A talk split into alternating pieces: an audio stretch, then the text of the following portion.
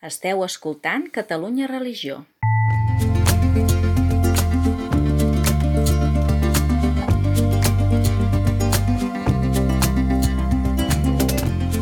Converses en la frontera, un podcast de Gabriel Jaraba i Xavier Morlans.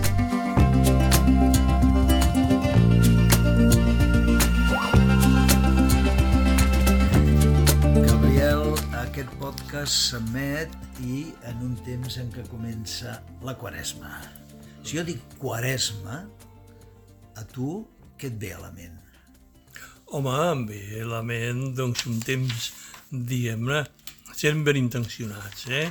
Un temps de privacions, de privacions voluntàries, que abans no ho eren, eh? La gent havia de mm, abstenir-se de menjar-se alguna cosa. Sí, I a Llinars del Vallès no hi havia, no hi havia ball a la quaresma, l'any 54-55, no hi havia ball els diumenges de quaresma, eh? Cuidado, eh? No, no, això.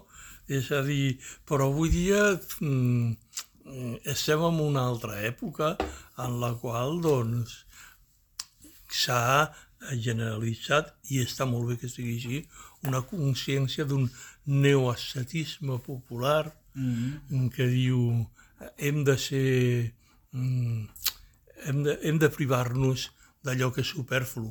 No? És a dir, menys xarxes socials, menys pantalles... No, és a dir, no només ens hem de privar de menjar xocolata i de fumar, i de les senyores que tinguin accés, sinó, sinó que ens hem de privar doncs, a veure quina és la nostra eh, petjada de carboni, eh, la nostra... Eh, com, ens- com, estem, com estem en relació doncs, amb, aquest, eh, amb aquesta conservació del planeta i aquest escalfament eh, global, és a dir, apareixen noves propostes quarèsmiques eh, que són molt interessants no? i que la gent, doncs, la gent més conscienciada i la gent de més bona fe doncs s'estima més que no pas eh, el, el, el, el menjar carn o no menjar carn, sinó de vigilar la seva petja energètica. Compte, la, la, la nova corrent de l'animalisme, mm, diguem-ne, gastronòmic, mm -hmm. està tenint molt èxit i aleshores avui dia dir jo no menjo animals, eh, doncs té molta, té molta mm, predicació i aleshores és un signe de distinció i entre joves alternatius és un signe de reconeixement mutu. Hi havia una altra, hi havia una, una persona eh, un, que era molt, molt, ja me'n recordaré del nom, però és que no me'n recordo, però sí de la frase, que vostè no menja carn? Diu, no, jo no goso menjar-me éssers que tinguin mare. Clar, i dius, ostres, clar, Que fort, que fort. i això de menjar-se éssers, Éssers que tinguin que, mare. tinguin, que tinguin mare, ja trobaré de qui era la, la, la, la, la frase. Eh, em sembla que era, em sembla que era d'un d'un- d'un sacerdot anglicà. hm? Per tant, aquest cobria animals, peixos, eh, gallines, però en canvi menjava herbes, podia menjar herbes, no? Sí, el que passa és que ara tenim el problema amb les noves biologies que també se n'adonen d'una cosa que nosaltres, els vells hippies, ja sabíem que era la sensibilitat vegetal. És a dir, clar, uh, The Secret Life of Plants, que era aquell títol d'aquell àlbum de sí. Stevie Wonder, Sí. eh? mm, La vida secreta de les plantes, i que molta gent doncs, creu, i creu de bona fe, que les, que les plantes, els vegetals, malgrat no tenir un sistema nerviós centralitzat i, i organitzat, eh, senten i pateixen. I és probable que sigui així. El que passa és que, mm, com que no tenim una veritable antropologia humana, com podem fer afirmacions d'aquesta d'aquesta categoria. Per això jo sóc una miqueta més, més prudent i dic, home, mm, sí que menjaré éssers que tenen mare, però quan algun mm, biòleg em diu que els pops són uns éssers molt intel·ligents, Sí, mm, i d'una gran capacitat, eh, no solament neurològica, sinó, diríem, cognitiva i mental, Uh -huh. Doncs aleshores ja jo el pep de pop ja no, ja no em menjo. En tot cas, sí que hi ha una cosa molt important, jo crec que pensar que aquí haurem de seguir una etapa evolutiva que eviti que aquesta mm, capacitat de respecte i d'agermanament amb els altres éssers eh, sentins Sí, mm, és una expressió dels budistes tibetans sobretot, uh en castellà és los seres sintientes. sí. I això els hi permet doncs, englobar doncs, tot el que, el que ha de ser englobat. Però aquesta, aquesta capacitat, jo crec que es tracta d'una d'una certa, anar pujant una certa mm, escala en la capacitat del d'incloure a nosaltres en el nostre cor. No? I quan diuen l'expansió de la consciència, i, i jo dic, mireu, per mi l'expansió de la consciència és la capacitat, la capacitat d'incloure en el nostre cor i en la nostra compassió eh, a tot allò que mereix ésser inclòs.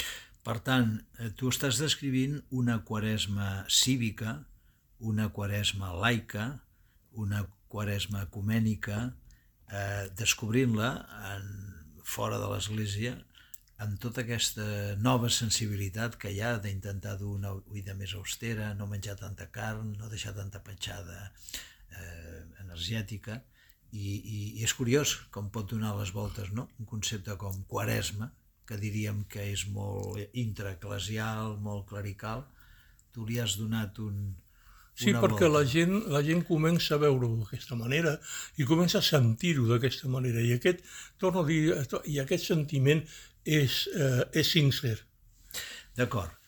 Jo t'he preguntat què et suggereix la paraula quaresma i has fet aquest discurs. Si ara tu em preguntessis a mi, Xavier, què et suggereix la paraula quaresma, uh -huh. clar, et contesta una persona que des dels 10 anys i de gust, i de gust i amb bon record global, va estar en un seminari menor, que vol dir que la quaresma solia entrar al febrer, que ja era un temps gris, negre, que no aniries a casa a veure el pare i la mare fins a Pasqua, i si Pasqua queia molt tard, un any que el dilluns de Pasqua era el 23 d'abril, imagina't, no? El segon trimestre d'un internat, els que també han estat a internats que no fossin seminaris, és molt llarg. I a sobre et fumien doble ració amb el color morat i amb tot aquest discurs de que ens hem de convertir i sobretot en la clau, diguéssim, moralista. No? És cert que de més gran ja vam descobrir el sentit més cristià, cristià de la Quaresma, que és un temps d'identificació amb Crist, que és un caminar cap a la Pasqua, que per tant el, el fons, el baix continu, és un baix continu, diguéssim, optimista, esperançat. Eh? Però aquesta primera capa dels meus records, doncs la Quaresma eh, em porta un sentit això, de tristesa, de... i llavors, és clar jo m'hi he revelat, m'he revelat molt respectant la litúrgia i tot, celebrant-la, però sempre, quan arriba la Quaresma, per exemple, m'agrada insistir molt, ens, ens posem a caminar, la Quaresma no és una finalitat en si mateixa, és el temps que els cristians caminem cap a la Pasqua. I per tant, caminem cap a la identificació en Crist, hem de morir, hem d'assumir la, la condició humana, que és dura, però que ho veiem en les guerres, malalties, però units a Crist per ressuscitar. No? M'agrada sempre molt subratllar aquest aspecte de, de Quaresma com a camí cap a la Pasqua. No sé si aconseguim això trametre-ho eh, avui dia als capellans, l'Església... És difícil perquè, torno a dir, pesen molt els anys, no ja només de nacionalcatolicisme, sinó de l'assumpció per part de la societat, encara que en la boca petita digui que no, però sí l'assumpció d'aquests pressupòsits, diguem-ne, de la tristor. Sí. Eh? És a dir, és la reacció de tenebrisme. Sí. Eh, Tenebrisme catòlic, eh? Exacte, sí, sí, clar, clar. Però és aquí mm, hi ha, hi ha per a tothom. Per què? Clar, perquè això és molt útil per governar una societat. I això és molt útil per fer passar la gent per on vulguis passar-ho. Jo, per exemple, a mi no m'agrada la Setmana Santa de Sevilla. Per exemple, no m'agrada. No, Per què? mm, perquè la considero blasfema, amb perdó per l'expressió En quin sentit? amb el sentit d'això que dèiem de que no ens podem quedar aquí després, yeah. després de la Setmana Santa, després de la crucifixió ve la resurrecció. Clar, Eh? I aleshores no, una, una Setmana Santa seria molt més santa si féssim el recorregut complet. És a dir, ens falta el final de la pel·lícula. Sí, Ens falta el final de la pel·lícula i si algun dia hi ha una, un reforma a fons de la litúrgia i amb un món doncs, molt més civilitzat, jo crec que algú mm, costarà molt i molt temps, molt esforç i molta gent eh, ensenyar el final de la, el final de la, de la pel·lícula. Però clar, la gent ho busca, perquè si no, la gent que ho intueix i sap quin és aquest final, sí. Mm, s'empatolla malament i aleshores se la lia. Per exemple, el, el cartell anunciador de la Setmana Santa d'aquest any on Sí. apareix un Crist Sí. guapo, Sí. guapo, sense ferides, apol·lini, sembla un personatge d'Albert Dürer o algun d'aquests, Sí. algun, alguna cosa renaixentista. Per què?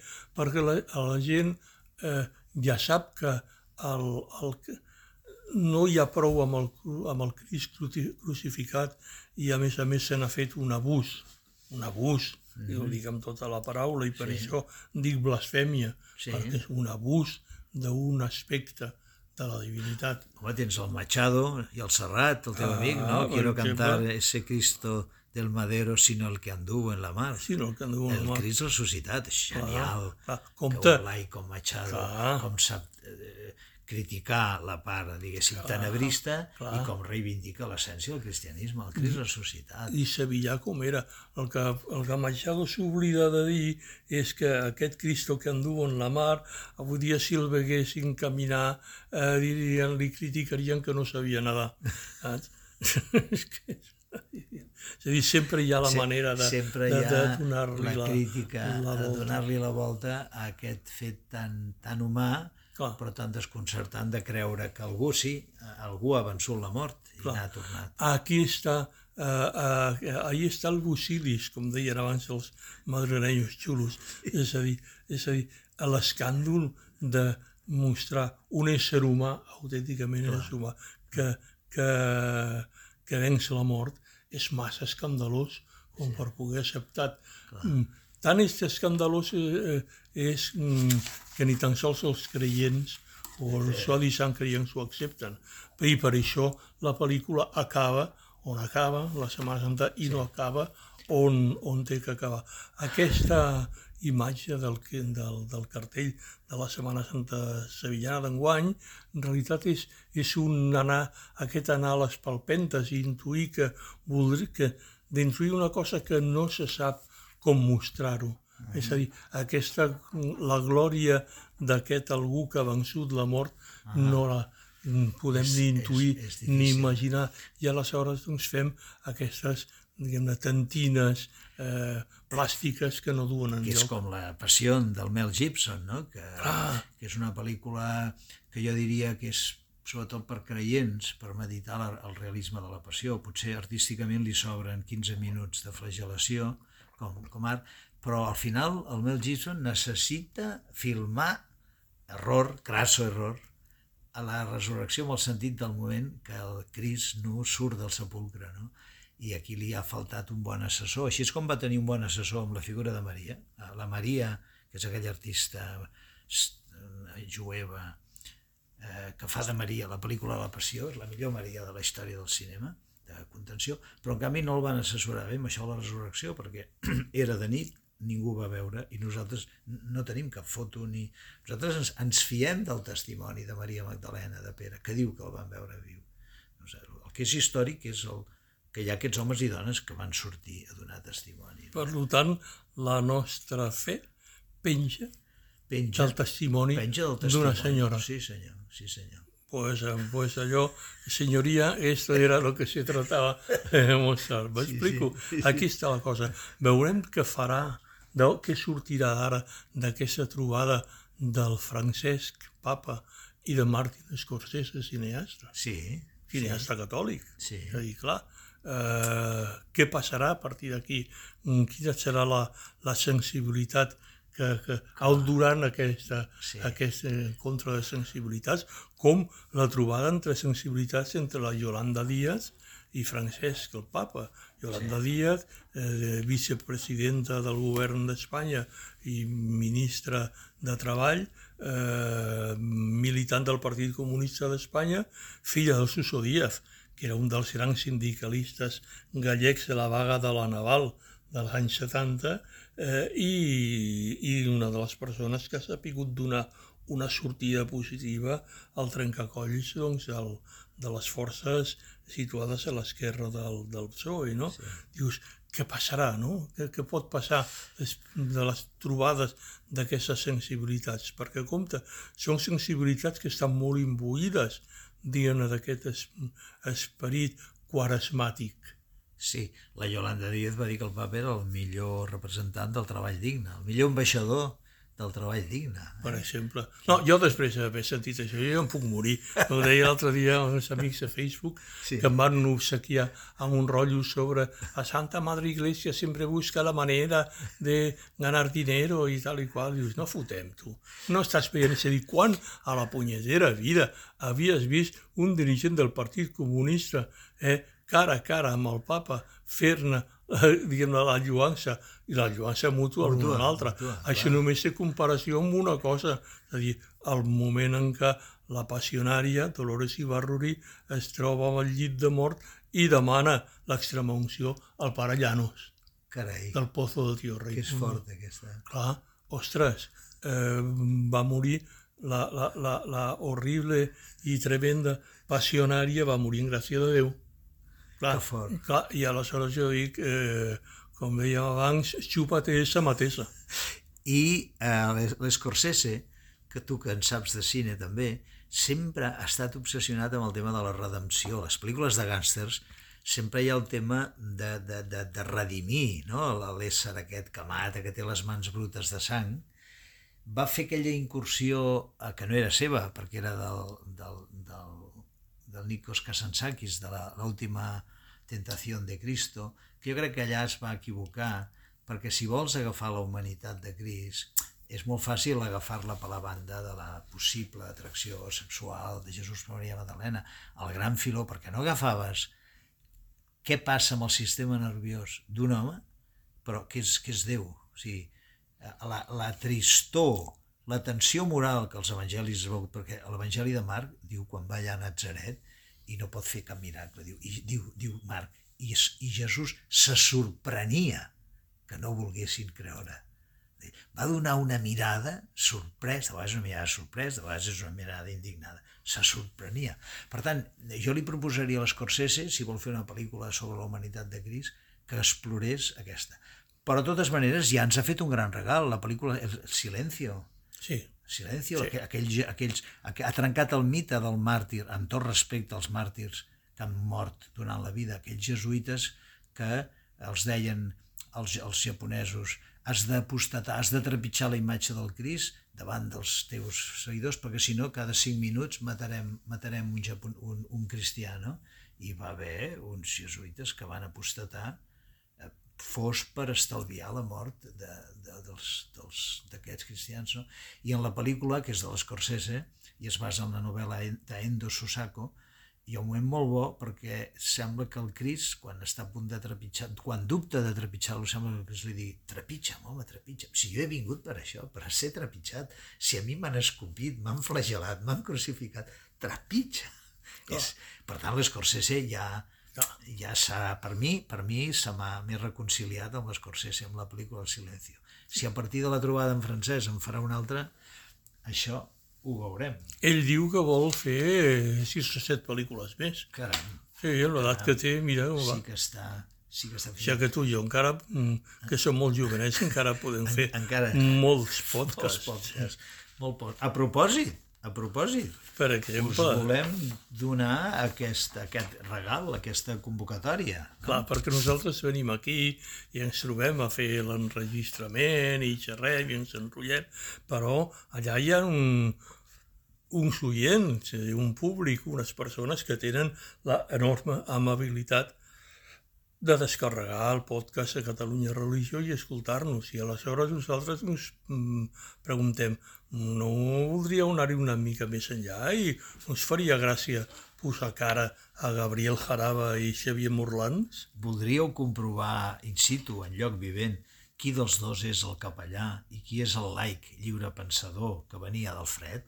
Veniu, doncs, el divendres. Eh, Dimecres. Ah, sí, que ui, el calendari ja no em funciona.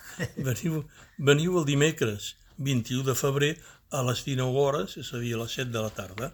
Veniu a la parròquia Hospital de Campanya de Santana, al carrer Santana número 29. El carrer Santana és aquell que va de Rambla, de Canaletes a Portal de l'Àngel, darrere el Hard Rock Cafè de Plaça Catalunya.